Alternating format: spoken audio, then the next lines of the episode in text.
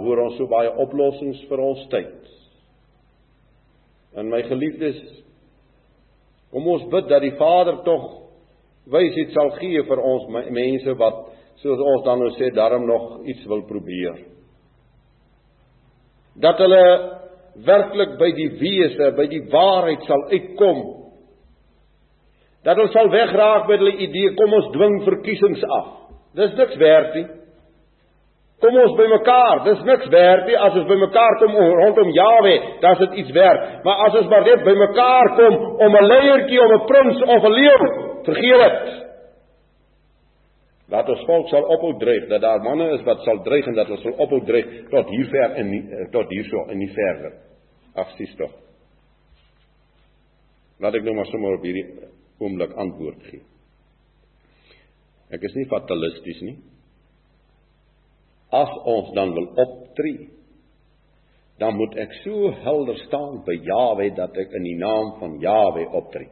En nou wil ek vir die vriende as hulle ooit die band in die land mag luister sê, as julle iets wil doen en sê ons retireer nou nie meer 'n millimeter terug nie. Dan wil ek vir julle sê, sê dit in die naam van Jawe. En as jy dit in die naam van Jawe gesê het, dan moet jy dit uitvoer.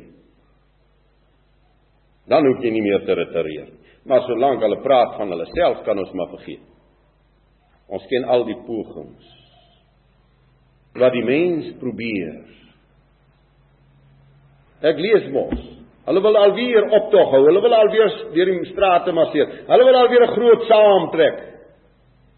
In elke slag sê ek hierdie hele proses is katalisators. Hierdie opgewonde volk word besig gehou met wind en wol. En hy hy word afgelei, sy sy opgewondenheid word vir hom tevrede gestel by so lekker vergadering. Kyk, daar's min vergaderings wat ek in my lewe geniet het soos 'n AWB vergadering. Want kyk, dit is daarom lekker om so tussen 3000 manne te staan en ons opgewonde. Maar as dit verby is, dan is dit ook verby. Daar bly niks oor nie. En jy weet ons volk het 'n soort inslag, 'n soort vroom inslag. Dis 'n soort oorerwing. Dis 'n ding wat ons iewers vandaan gekry het. Ons raak sommer so op 'n punt vreeslik vroom. En dan sê hulle as hulle so vroom raak, kom ons verootmoedig. Sommige net so. En die mens weet nie wat is verootmoediging. Niemand van ons wat hier vanaand in hierdie gebouetjie is, weet wat is verootmoediging. Wil jy met my stry? Ons weet nie wat is verootmoediging. Wie van ons het al as op ons kop gaan gooi? Wie van ons het al ons klere geskeur? Wie van ons het al ons baard uitgetrek met ons eie hande? Wie van ons het al 7 dae voor die aangesig van Jahwe gaan lê? As u die Bybel lees, dan sal u hierdie optrede sien. Dan sien u dit is vir ootmoediging. Dit is om werklik jou totaal te gaan prysgee aan Jawe en te wag totdat hy antwoord. Wat is die doel van die verootmoedigings wat ons volk in die geskiedenis nog gehou het? Weet u, Jawe se genade is vir my onbegryplik. Sy sy begrip vir ons kinderlikheid en onkunde is net vir my wonderbaarlik.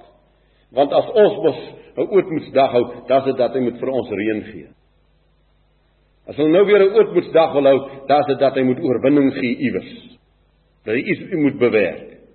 Maar wanneer sal hierdie volk hom verootmoedig en sy sonde bely? Wanneer sal hierdie volk hom so verootmoedig dat hierdie boek vir hom die boek word vir sy lewe? Wanneer sal hierdie volk hom so verootmoedig dat hy terugkeer tot Jahwe? met dit hele hart.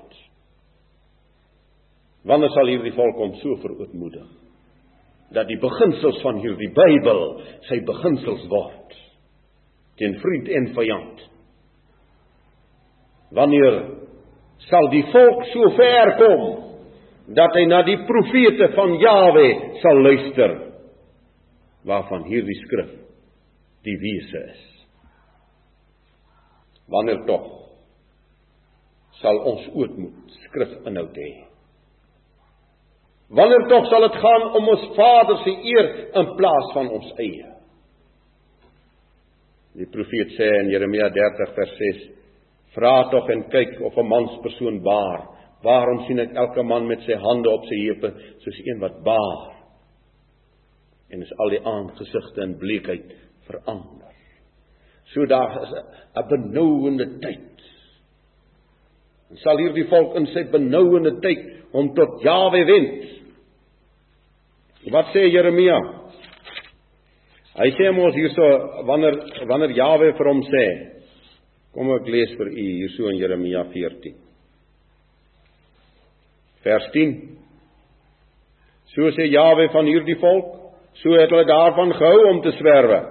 Hulle het hulle voete nie teruggehou nie. Daarom het Jawe geen beha in hulle nie.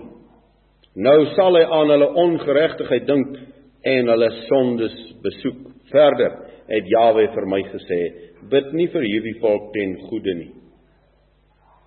As hulle vas, luister ek nie na hulle gesmeek nie. En as hulle brandoffer en spysoffer bring, het ek in hulle geen behaag nie. Maar deur die swaard en die hongersnood en die pes maak ek hulle tot niet. Is dit nie verskriklik nie? Dan gaan ons oor.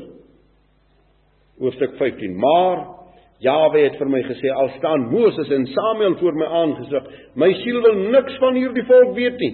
Dryf hulle van my aangesig af weg en laat hulle heen gaan. En as hulle jou vra, waar moet ons heen gaan, sê dan vir hulle. So spreek Jawe, wie vir die pes bestem is, na die pes. En wie vir die swaard na die swaard en wie vir die hongersnood na die hongersnood en wie vir die gevangenskap na die gevangenskap. Wat is ons opdrag vanaand?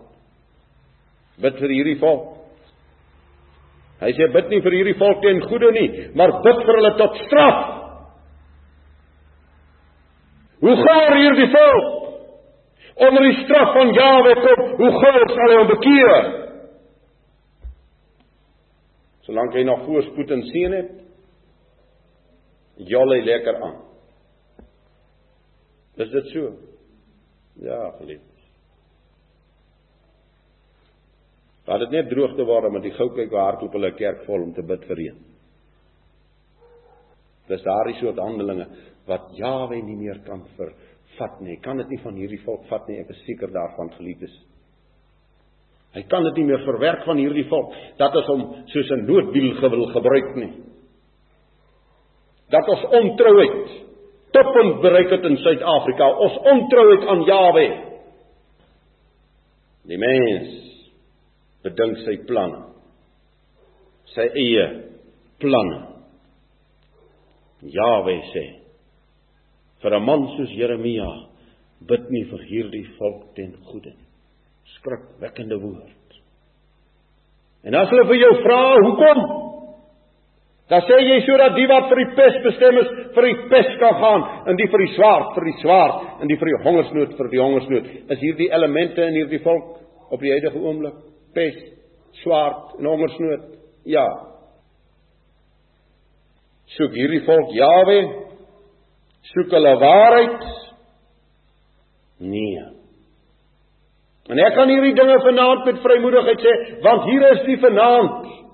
Ek praat van die regste politieke leiers. Hier is die vanaand 'n regse politieke leier in hierdie land wat nie gekonfronteer is met hierdie Israel identiteit nie. En met hierdie waarheid nie maar hy wil nie. Baie maklik sê hy dis nie my terrein nie. Ek is 'n politieke leier. Godsdienst is 'n ander ou se terrein. Dis nie my terrein nie. Is ook nie bereid om die Bybel te ondersoek om te kyk wat staan in die Bybel vir hom. Nie hulle bedink hulle eie politieke planne. Hulle baan hulle eie weë.